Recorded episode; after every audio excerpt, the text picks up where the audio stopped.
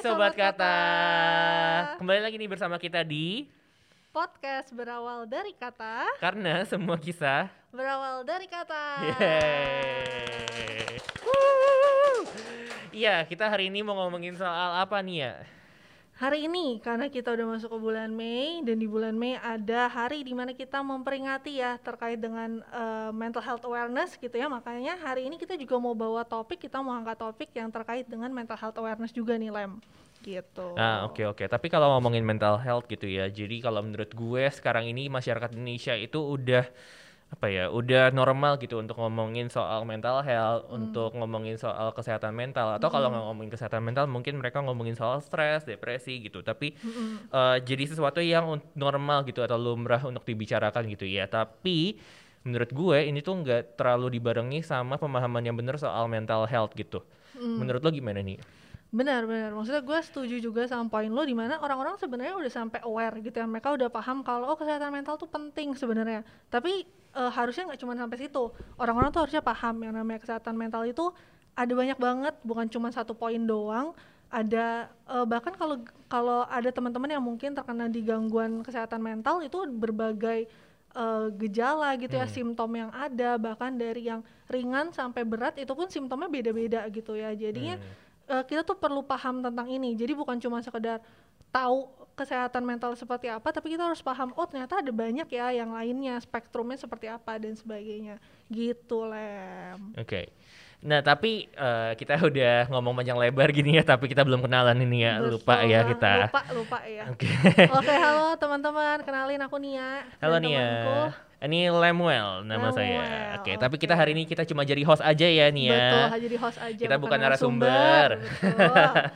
tapi kita kedatangan narasumber yang sangat spesial nih hari ini. Siapa Nia? Betul, narasumber kita ini benar-benar akan membagikan cerita ke kita ya Lem gimana dia berproses, gimana strugglingnya dia gitu ya. Selama mungkin eh, ketika dia sendiri punya satu titik di mana dia harus bergumul dengan mental health ini sendiri gitu ya. Jadi sebenarnya ini keren banget ya narasumber kita hari ini ya. Dan gak cuma sampai stop situ aja, tapi eh, dia juga udah ke mana-mana, udah ngomongin soal mental health awareness gitu, even di Betul. sosial medianya dia Betul, gitu ya. biar orang lain lebih aware gitu Ya. lah ya Lem. Langsung saja kita sambut Vera. Yeay. Halo Vera. Halo. Iya, apa kabarnya nih? Baik, baik. Oke, lagi kesibukannya, lagi ada apa aja sekarang? Kesibukannya aku lagi kuliah semester 6 di LSPR, terus juga lagi eh, volunteering di Into Light Indonesia, Oh, komunitas nice. pencegahan bunuh diri. Aku jadi divisi media di situ sama lagi intern. Oh, I see, I see. Oke, nice into the light ya. Betul. Tapi mungkin sebelum lebih jauh gitu ya, ini kan kalau kata Lemuel ini salah satunya cukup berat nih topiknya gitu ya. Kita- tapi kita nggak mau berat-berat, kita nggak mau tegang-tegang. Kita mau main dulu nih sama Feren gitu Iya. ya. Main apa nih kita Lem? Jadi kita mau main ini ya. Jadi kita mau main eh, kira-kira kalau misalnya kita mau jadi sebuah barang nih, kalau kita mau jadi eh, kalau misalnya kita bisa menggambarkan diri kita sebagai sebuah barang, kira-kira lo mau menggambarkan diri lo sebagai apa? Kalau gue eh, dan kenapa gitu ya? Kalau gue, gue pengen jadi handphone karena handphone itu dibawa ke mana-mana sama orang. Jadi pe- ya barang yang penting lah dalam kehidupan setiap manusia gitu ya. Even bahwa even sekarang kalau ke kamar mandi atau ke mana itu lo biasa bawa handphone buat dengar musik gitu ya. betul, Betul. Tapi jadi sesuatu yang penting. Nah gitu. Kalau lu apa nih ya? Kalau gue, karena lagi pandemi mungkin ya, jadi gue tetap gue pengen jadi masker sih. gue pengen melindungi diri gue dan melindungi orang lain Oke. gitu loh. Jadi orang lain gak kena virus dari gue, gue juga nggak kasih virus ke orang lain Ah, gitu. oke. Kalau dari Feren, ya. Feren lagi mikir deh tadi apa ya kira-kira pengen jadi apa Ya, gitu. kira-kira lu Kaget. Apa? Kaget tiba-tiba ditembak pertanyaan gitu.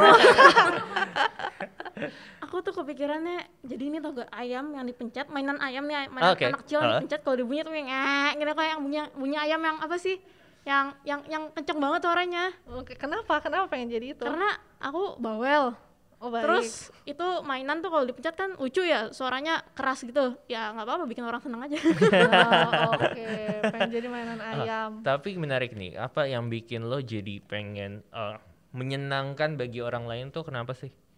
Kenapa ya? Nggak tahu sih, mungkin dari dulu emang rasanya tuh nyenengin orang tuh juga ikut seneng gitu loh. Jadi kayak ya Hmm. walaupun aku juga harus nyenengin diri sendiri, ya itu harus harus utama. Cuma tetap nyenengin orang lain tuh rasanya kayak ya something yang benar-benar ngerasa seneng aja gitu bawaannya jadi kayak Hmm. ngerasa Hmm. hmm, apa ya something yang aku nggak nggak jadi beban gitu untuk nyenengin orang kayak gitu sih Hmm. Oke, paham. Oke, kita sebelum akan lebih lanjut lebih jauh lagi ngobrol-ngobrol sama Feren, eh, dari Lemuel dan aku akan memberikan pertanyaan gitu ya ke Feren. Tapi di sini karena kita harapannya sebagai satu safety net gitulah ya buat Feren. Jadi kalau misalnya memang ada pertanyaan yang kamu rasa mungkin kurang nyaman untuk kamu jawab, Feren nggak apa-apa nggak perlu jawab gitu Siap. ya Lem ya. Iya. Jadi eh, kita tetap menghargai privacy dan kenyamanan kamu. Kalaupun memang kamu berniat untuk menjawab, silakan jawab. Kalau enggak juga nggak apa-apa gitu ya. Hmm. Oke, nah mungkin ini karena kita berdua kemarin udah sempet kepo-kepoin Instagramnya Feren gitu ya. oh udah di stalk iya Iya. betul dong, kan kita host yang luar biasa gitu ya. Nah kita kayak ngeliat kamu tuh cukup eh, ini ya, maksudnya menginspirasi dengan kamu misalnya ngepost atau misalnya bikin story-story gitu ya, kamu taruh di highlight dan lainnya.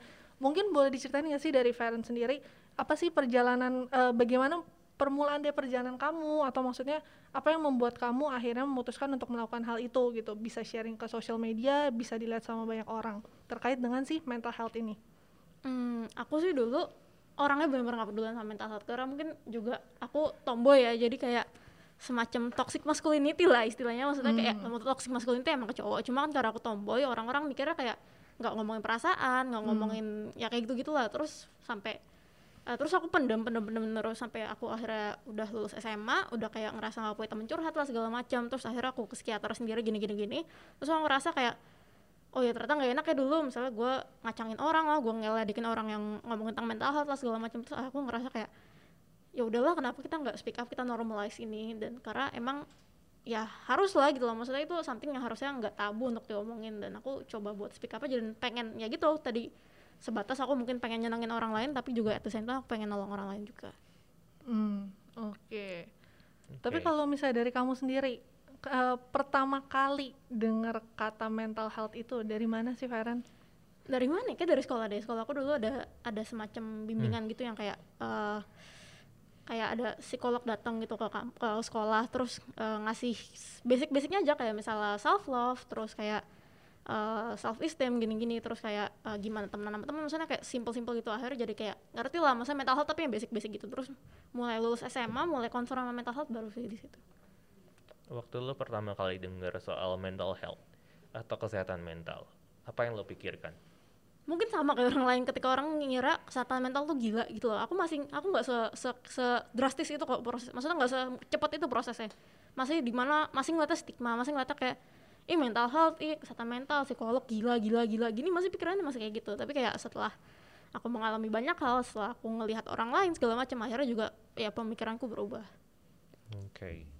Tadi ada titik baliknya gitu ya. Jadi pas SMA, betul. Mm-mm. Itu pas SMA sebenarnya apa sih yang terjadi pada saat itu? Gitu. Hmm, mungkin SMA, SMP SMA tuh aku kan kayak temennya banyak, terus eh apa ya kayak masih happy lah, masih kayak nggak ada beban hidup segala macam. terus eh, lulus SMA baru tuh banyak tuh kayak mm, struggle gini gini gini gini, terus kayak jebret langsung ngerasa kayak wah gila gue butuh pertolongan, maksudnya kayak eh emang sih udah bantu doa segala macam, eh bukan arti doa nggak ngebantu, cuma tetap kayak ngerasa butuh orang yang benar-benar bisa dicurhatin bener-bener ya ngebantu lah secara ini. Jadi kayak akhirnya ya udah ke psikiater gitu. Hmm. Tapi waktu lo ngomongin pertama kali itu awalnya langsung ke psikiater kah atau lo pernah ngomong sama orang lain juga? Jadi siapa sih yang pertama kali lo kasih tahu gitu? How do you open yourself? Eh, pernah ke temen cuma awal-awal mungkin ke temen tapi lama-lama kan jadi gini dulu kan pas SMA tuh temennya banyak banget terus lulus SMA aku masuk kampusku ini terus nggak cocok ini sama temen semester 1 semester 2 nya ya kan Hmm. karena masih ini kan terus nggak cocok udah tuh mau mau kontak temen SMA lagi mereka udah sibuk sama kesibuk sama kehidupan masing-masing udah punya teman baru. Terus aku nggak enak kan curhat sama mereka. Ya udah bener aku aku aku pendem aku pendem. Jadi selama aku kuliah tuh pas semester 1 aku kerjanya kunang-kunang. Kunang-kunang gereja kuliah nangis gereja. Oh, Oh, jadi aku oke. aku gereja ke aku aku aku nangis di Gomari aku nangis berjam-jam karena aku ngerasa nggak punya teman nggak punya teman curhat segala macem. Hmm. akhirnya akhirnya sampai aku nggak kuat akhirnya aku Desembernya ke psikiater gitu Oke, oke.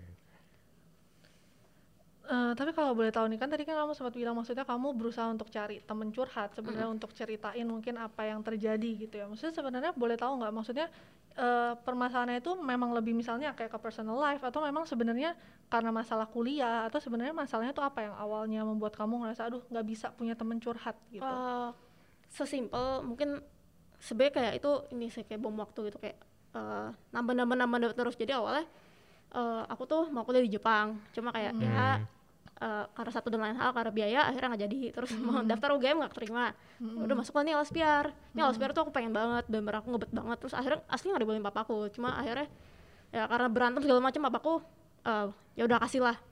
Terus sampai aku masuk kelas PR ya udah kan pilihanku kan segala macam. Aku udah punya ekspektasi tinggi.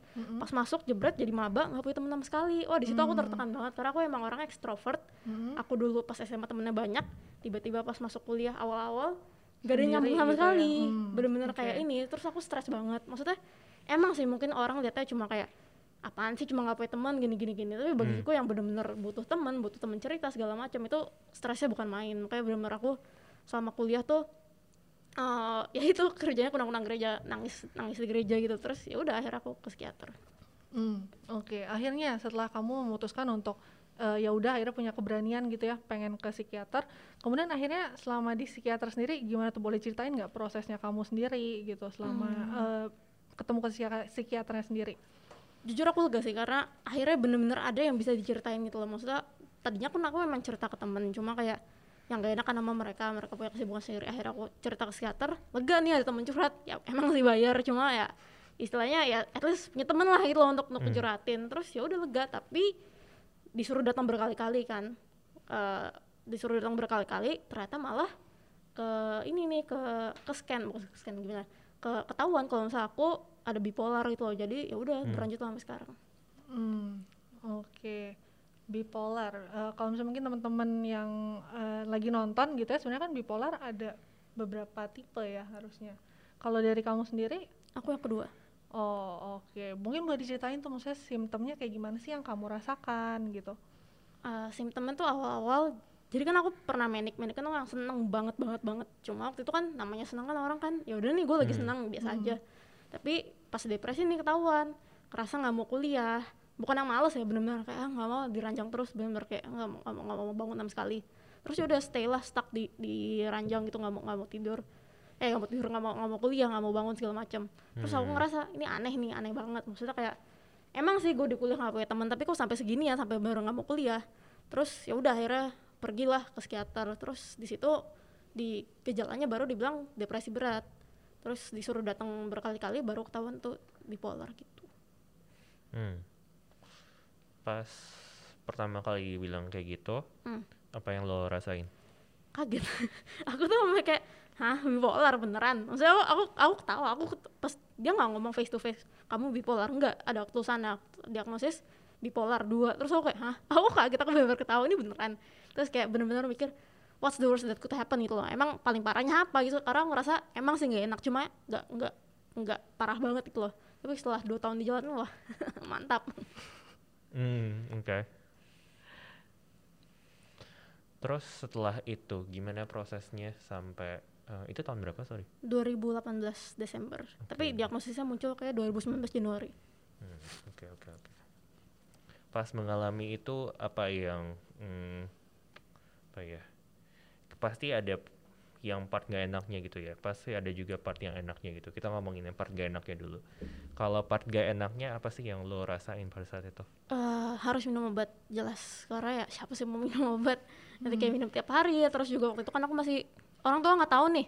Orang tua nggak tahu aku minum eh, terus ya aku pakai duit sendiri ya. Uang jajan habis dong uang pau juga habis segala macam terus juga eh, nggak enak ya kalau lagi depresi itu sendiri lagi depresi terus eh, eh, terus ya gitu nangis sendiri apa segala macam terus kan obat itu kan ya ya bukan yang benar sembuhin kan maksudnya setidaknya bikin stabil dikit lah.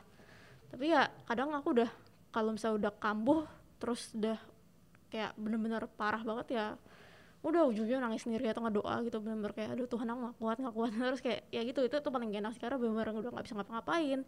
Terus ngerasanya eh, kadang ngerasa suicidal padahal kayak nggak ada nggak ada trigger ya bener pure dari bipolar ini. Terus kayak bener-bener gak enak sih sama mungkin ini sih stigma dari orang-orang misalnya lagi ke rumah sakit kan misalnya kayak ya kata anak muda secara fisik nggak kenapa-napa. Terus tanyain kamu sakit apa deh gini-gini mau ke poli mana? Poli jiwa. Hah kamu gila gini-gini. Eh, biasalah orang-orang stigma kayak gitu. Hmm. itu sih nggak enak ya Oke, bahkan orang yang udah bekerja di dunia kesehatan aja punya stigma ya, maksudnya terhadap orang yang memang datang gitu ya, malah ya jadi sedih juga ya kita yang datang yang bermaksud mencari pertolongan malah dikasih stigma gitu ke orang lain.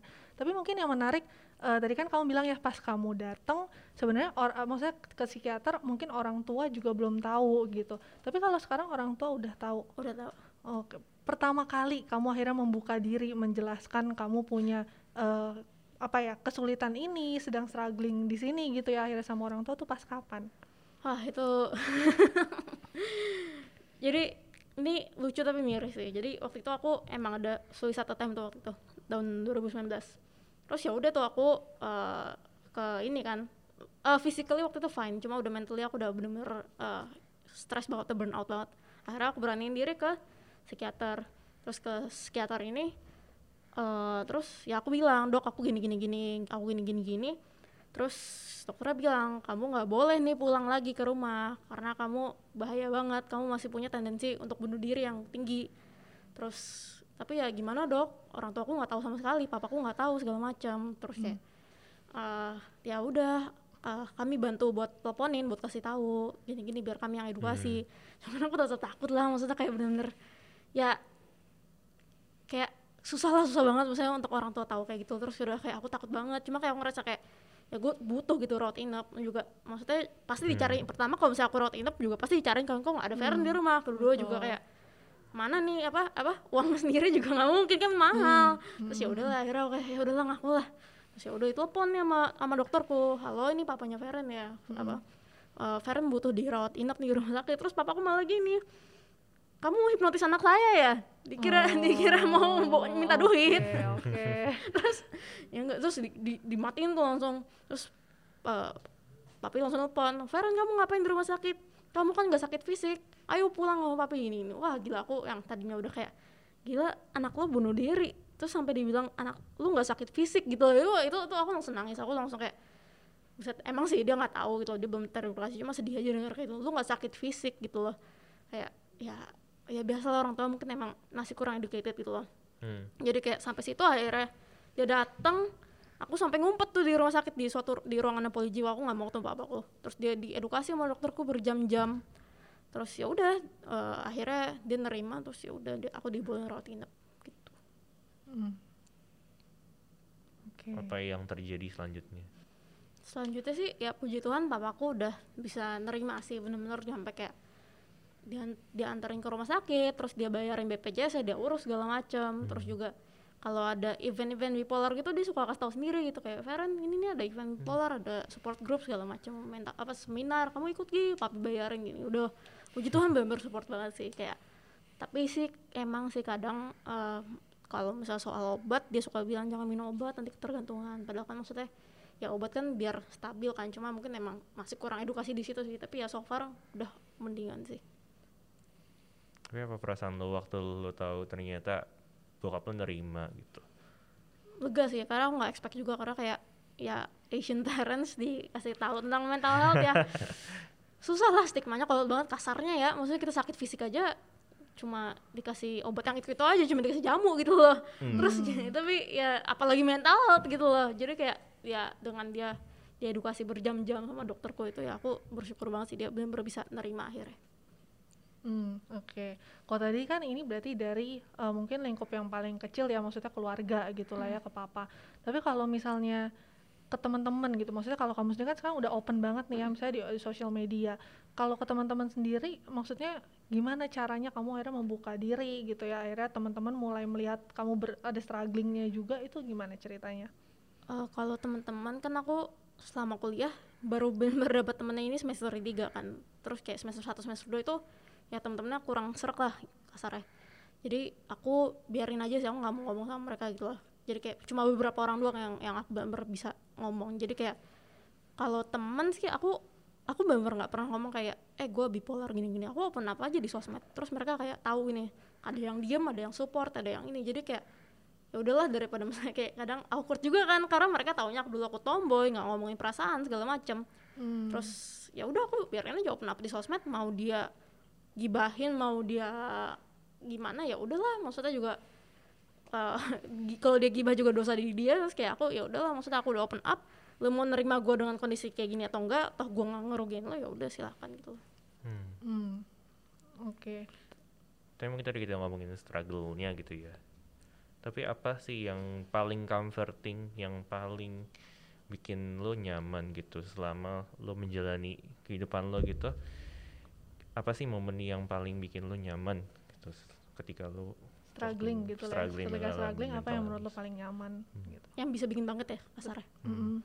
Hmm, ini deh. Jadi kan Januari kemarin aku sempet kayak ngerasa, aduh tahun ini ada apa ya? Tahun ini kayak kayak kosong gitu kan cuma kuliah, paling tar magang, terus nggak ada apa-apa.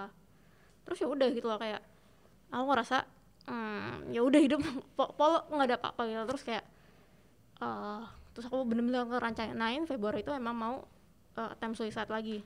Hmm. terus ya udah aku udah udah ngepan tuh udah kayak ya udahlah ini Januari gua gua hidup. Ya udahlah jalanin aja kayak biasa. Tapi kalau misalnya ada something yang yang wow atau apa ya udah gitu loh maksudnya kayak tapi aku kayak give it a trial gitu loh for a month.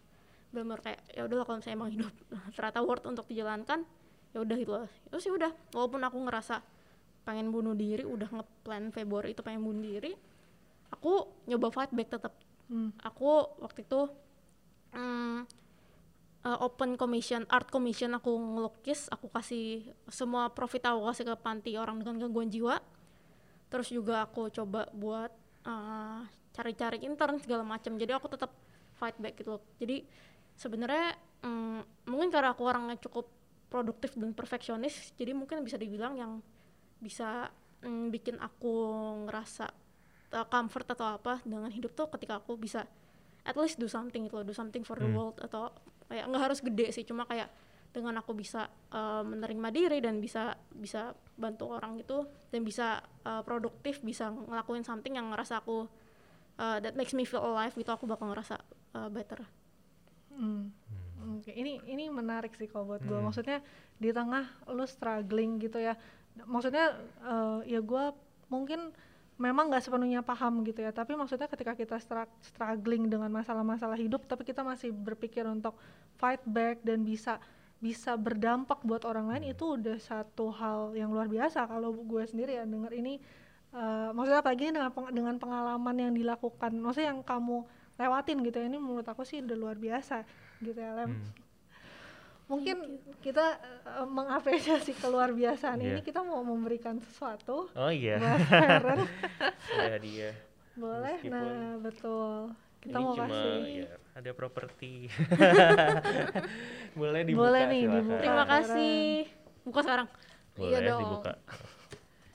Ceritanya mystery box gitu. ih bebek Aduh. terima kasih ini pasti hasil stok ya? Ada apa sama bebek memang ya Feren lucu.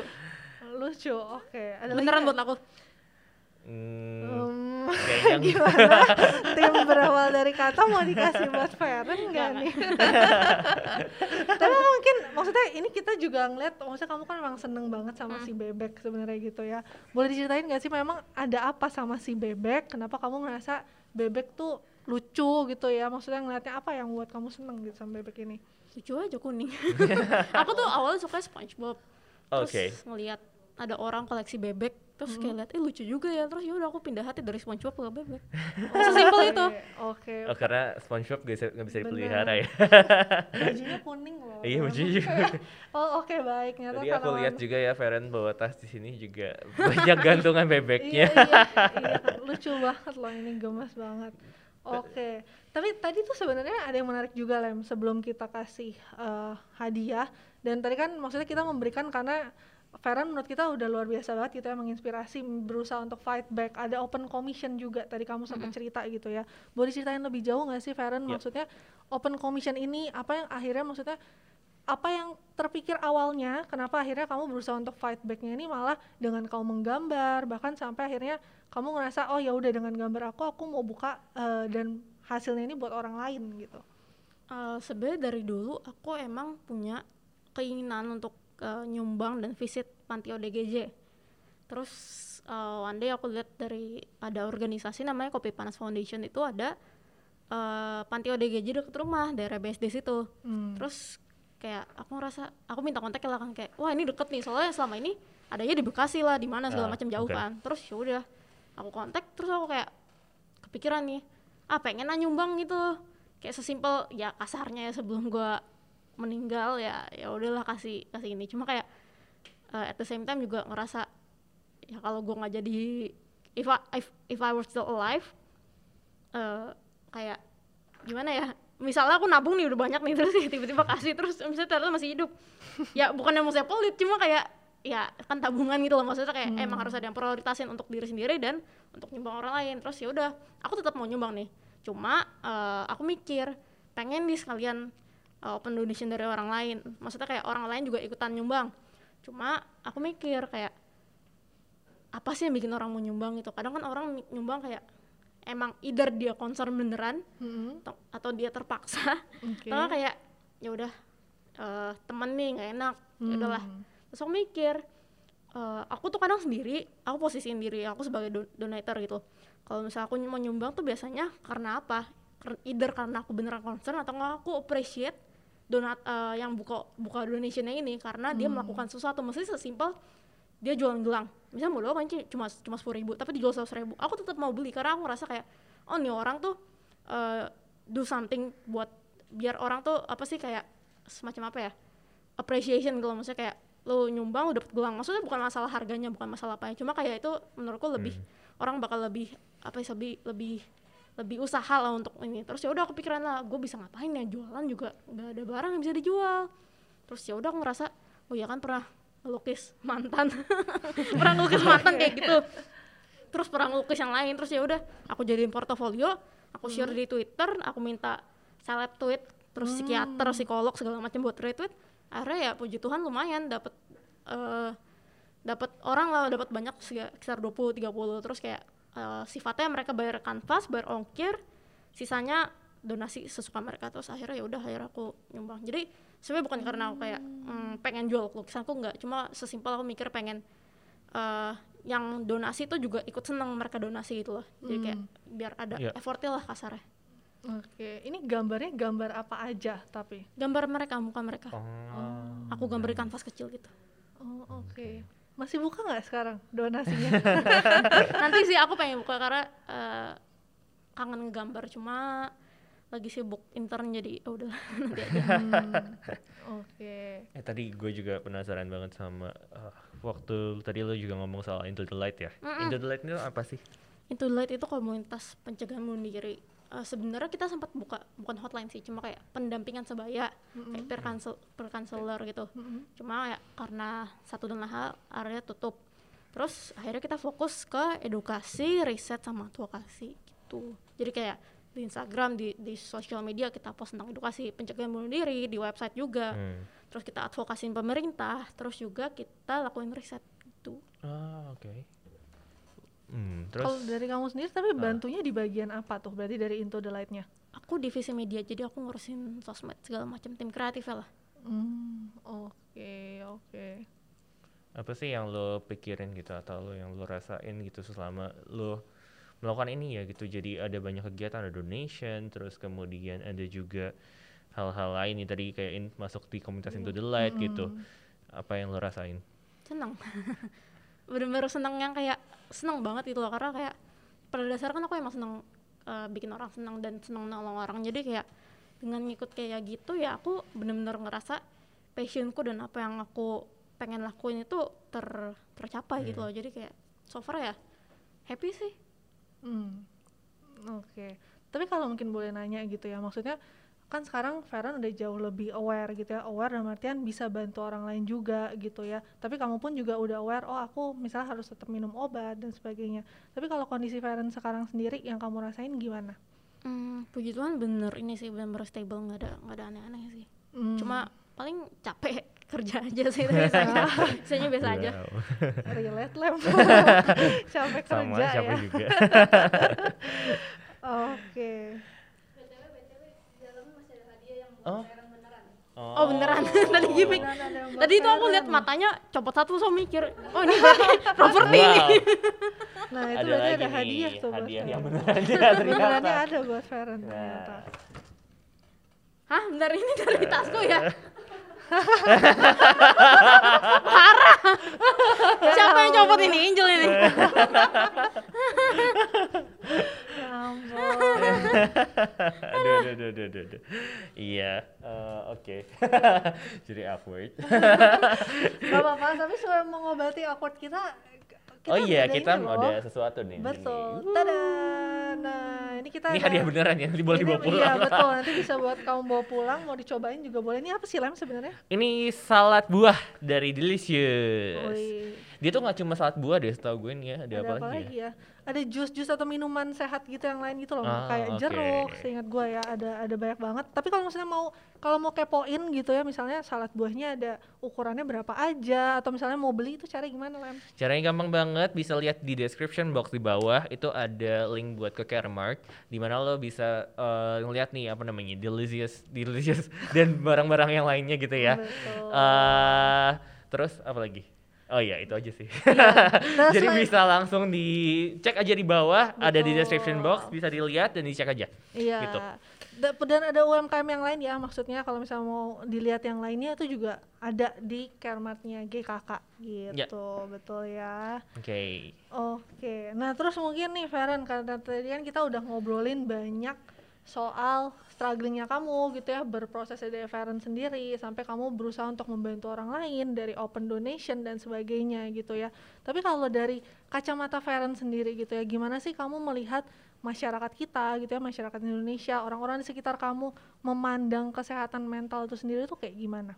Hmm, kalau aku kan ngeliatnya dari kacamata yang teman-temanku lah yang kayak ya kalau dari anak muda sih aku ngeliat udah mulai open ya karena kayak malah mereka suka diagnosis diri mereka sendiri. Gue bipolar gue anxiety segala macam gini gini padahal kan kayak ya ada ini profesional tuh apa biar bisa didiagnosa gitu. Cuma gimana ya so far sih kalau anak muda sih emang sih menurutku udah lebih jauh lebih aware. Tapi ya gitu side effectnya jadi ada aja yang self diagnose segala macam. Tapi kalau misal untuk orang tua menurutku masih jauh dari kata aware sih. Jadi kayak itu sih struggle emang kayak karena emang generation gapnya juga jauh kan. Jadi kayak hmm, untuk aku sih optimis ya untuk maksudnya ya sekarang aja udah menurutku udah udah a big step gitu. Kayak eh, sekarang aja mungkin yang kayak kayak sekarang nih aku diundang untuk ngomong mental health di gereja. Mungkin orang ngeliatnya kayak eh, beberapa mungkin dulu gereja tuh malah kayak "Ah, doa doa doa apaan? Ke psikiater psikolog tapi kan sekarang kita open gitu loh. Bahkan gereja aja ngomongin mental health gitu loh benar open. Tapi kayak misalnya benar-benar menurutku aku ngeliatnya optimis ya. Aku ngeliatnya optimis benar-benar di eh, semua udah mulai terbuka ngomong mental health semua untuk bisa untuk eh, Indonesia tuh bisa bisa lah misalnya anak mudanya untuk eh, jadiin topik ini nggak tabu lagi. Cuma ya emang nggak bisa kita pungkirin kalau stigma itu pasti masih ada. Karena ya pandangan orang aja beda-beda gitu loh. Misalnya kayak sesimpel bubur diaduk sama bubur nggak diaduk. Itu juga pasti aja beda apalagi ngomongin mental health yang jauh lebih apa ya lebih lebih Kompleks kompleks lah. ya. jadi kayak emang sih kayak kita mau debatin orang kayak nggak percaya eh, yang nggak eh, peduli sama mental health capek jadi kayak biarin kita berjuangnya emang sama orang-orang yang sama-sama peduli lah Hmm. Karena ini kita di awal juga udah ngomong gitu ya. Jadi tujuannya sebenarnya podcast ini kan sebenarnya kita pengen tahu nih memberi memberi apa namanya? Sebenarnya kesehatan mental yang benar itu tuh kayak gimana ya memberi pengetahuan gitu. Tapi kalau dari menurut lo sendiri kesehatan mental itu apa sih? Gitu. wah aku pakai definisinya WHO deh Boleh. kalau dari. WHO kan yang berarti benar-benar bisa eh, produktif bisa beraktivitas secara eh, bisa bisa rak- beraktivitas normal bisa bersosialisasi sama bisa ya melakukan kegiatan sehari-hari bisa inilah ya so far kayak gitu sih aku benar-benar nggak ada yang karena menurutku sama aja ya yang intinya benar-benar bisa bisa bisa Hmm. beraktivitas sehari-hari soalnya kalau mental terganggu kan pasti juga eh, ngerasa nggak minat ngapa-ngapain ya segala macam kayak gitu Hmm. Menurut Oke. lo sendiri gimana sih tadi kalau bilang how to normalize this gitu. Jadi gimana caranya kita bisa normalize orang ngomongin kesehatan mental, orang ngomongin gangguan mental gitu. Apa sih yang sebenarnya menurut lo harus dilakukan gitu? Uh, people should start talking about it. Jadi bener-bener menurutku dari core-nya sih. Pertama dari orang tua. Mungkin kalau misalnya nanti generasi kita udah jadi orang tua segala macam itu harus ditanamin ke anak-anak. Ya kalau misalnya emang dari orang tua kita nggak bisa ya udahlah susah debat maksudnya kayak kalau emang mereka udah punya pemikiran sendiri susah gitu untuk di ini.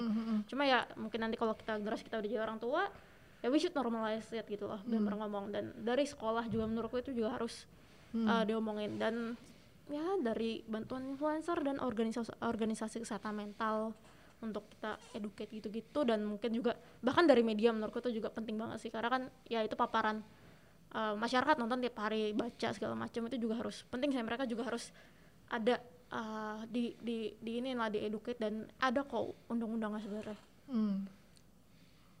Oke. Oke. Nah, itu kan kita ngomongin buat masyarakat luas gitu ya. Tapi kalau buat orang-orang yang jadi penyintas juga nih, jadi penyintas kesehatan mental gitu, apa yang lo mau ngomongin ke mereka? apa ya kalau misalnya ngomong itu gampang untuk dilewati nggak mungkin karena itu juga susah aku tahu itu susah. Hmm. jadi kayak emang sih susah emang sih eh, capek. Cuma kayak eh kayak dengan bertahan dengan dengan ya maksudnya kalau emang lagi capek ya it's okay gitu to rest.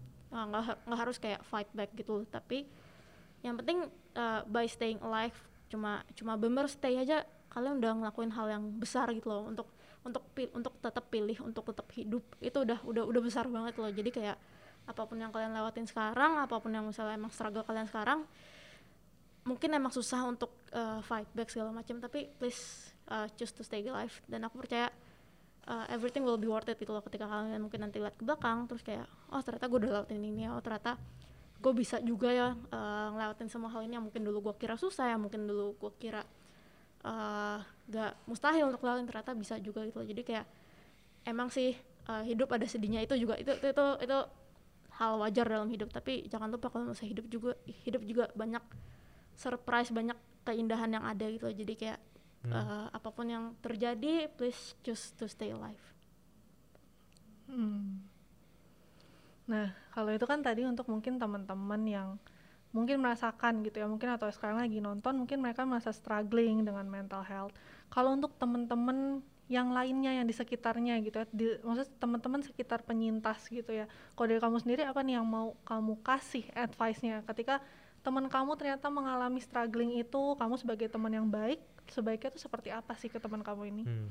Uh, kalau dari aku sih kalau misalnya emang kalian aware mungkin bisa ajak ke psikolog ke psikiater kalau mereka mau cerita dan kalian bersedia Hmm. Uh, coba didengerin jangan dijudge jangan di jangan dibawelin lah kalau misalnya karena lebih baik emang didengerin aja. Atau uh, kalau emang nggak ngerasa uh, aware sama mental health atau apa ya you better keep it to yourself gitu. Jangan dihujat jangan diapain. Mending ngerasa kayak oh maaf ya aku lagi nggak bisa uh, dicurhatin aku lagi gini gini gini Hmm. kayak "Oh, mungkin kamu punya teman yang bisa dicurhatin gini gini jangan jangan di kayak jangan kalian ngerasa sanggup dan kalian malah kayak sanggup tapi malah kalian ceramahin balik gitu loh. Itu kan malah nyakitin dia. Jadi kayak Hmm. eh, bener-bener kalau misalnya mau bantuin orang itu kayak ya kalau misalnya kalian ngerasa kalian nggak eh, capable kalian ngerasa nggak Hmm. nggak sesuai visi misi misalnya tentang mental health ya mending dilempar ke orang lain. Dan jangan lupa kalau misalnya mau bantuin teman eh, take care of yourself tuh. Karena eh, yang penting kan diri sendiri. Jangan sampai kita bantuin orang tapi kita sendiri draining gitu kita sendiri malah ngerasa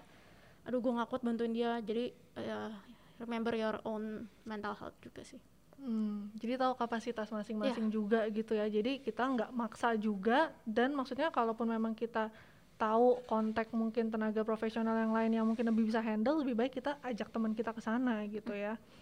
Oke. Oke, oke, oke, oke.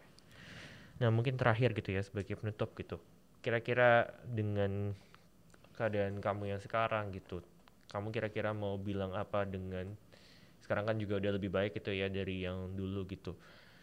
Apa yang lo mau omongin ke eh, ke diri lo yang ada di masa lalu gitu?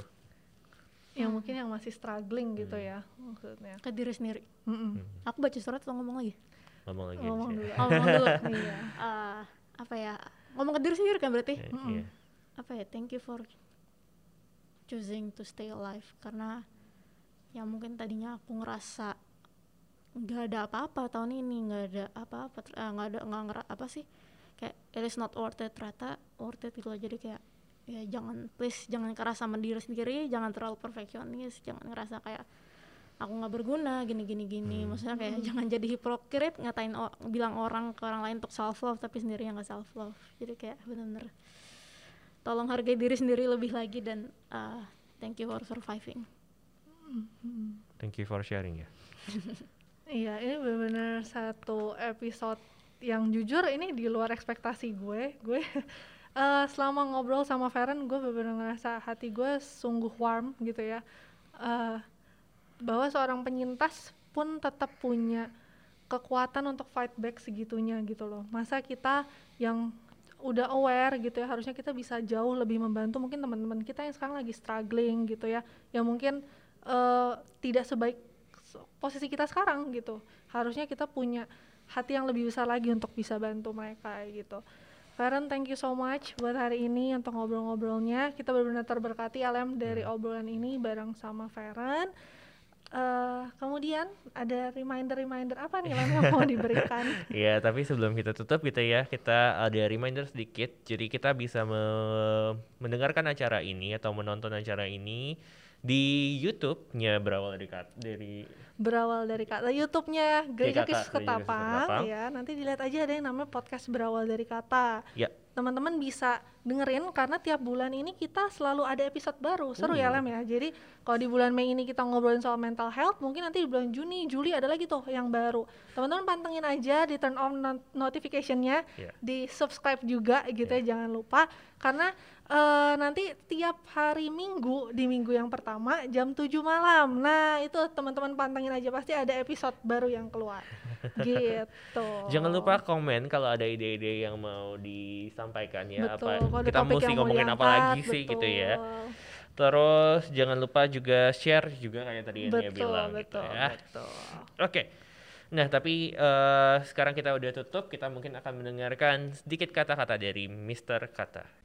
Halo Sobat Kata, kata-kata hari ini bukan dari gua, tapi dari surat Feren untuk dirinya sendiri. everyone told you to keep hustling but no one told you to grow at your, own pace As a person who grew up in, com- in competitive and ambitious environment since my school life, I've always thought to keep hustling and strive for perfection are the best way to live. It's always been those who get the highest score, rank, until those who make money the most who get appreciated. Nilai kamu berapa? Kamu rank berapa? IPK lu berapa? Gaji lu berapa? Without knowing, everyone has their own struggle and progress. For the past year, seeing LinkedIn timeline has been so stressful for me. Knowing that my high school friends have achieved a lot of achievements, got accepted as intern while I did nothing. So I tried. I tried to be productive, to keep hustling, to strive for perfection. In a year, I applied for internship in three companies, although it's not mandatory. They all rejected me. I felt useless. I felt no one would ever hire me for work. Until this year, thank God, I got accepted as an intern in the company. I thought everything would go well. I am doing my passion, I get a work, good work life balance. My colleagues are kind, I still can manage my college life. Life seems so perfect. There's nothing I would worry about. I was wrong. It's not about the company that, that I work in, it's all in me. I have always thought I am not enough. I have not done enough for the company in two weeks working as an intern. Thinking that I should make a big change for the company, creating as many sales as I could while no one asked me for. My boss and my colleagues like my work, and I still think that I haven't done enough for the company. I still think how to make the best out of me and make the most sales while I'm here. Not that I will get paid extra if I get get to make a lot of sales, but I feel like I have to. My surroundings keep telling me that I have done more than enough for an intern in two weeks on my own, and I did not believe them. All I knew was to keep hustling, and I gotta work perfectly for a company. Until I saw an old letter from, from my boyfriend telling me not to worry about my future because I will eventually make it. I forgot that I've made a lot of progress until now. I forgot the tears that fell almost every day when I get rejected as an intern. Worried about my future as how three companies have rejected me. Hours that I spent to fix my CV and cover letter to attract recruiter, and lots of stuff that I have done. I forgot the, about the progress that I have done until now. Dear me, I have grown enough. I have done enough. I am enough. Thank you for fighting. Thank you for surviving. Berawal dari kata. Karena semua kisah berawal dari kata. Titik.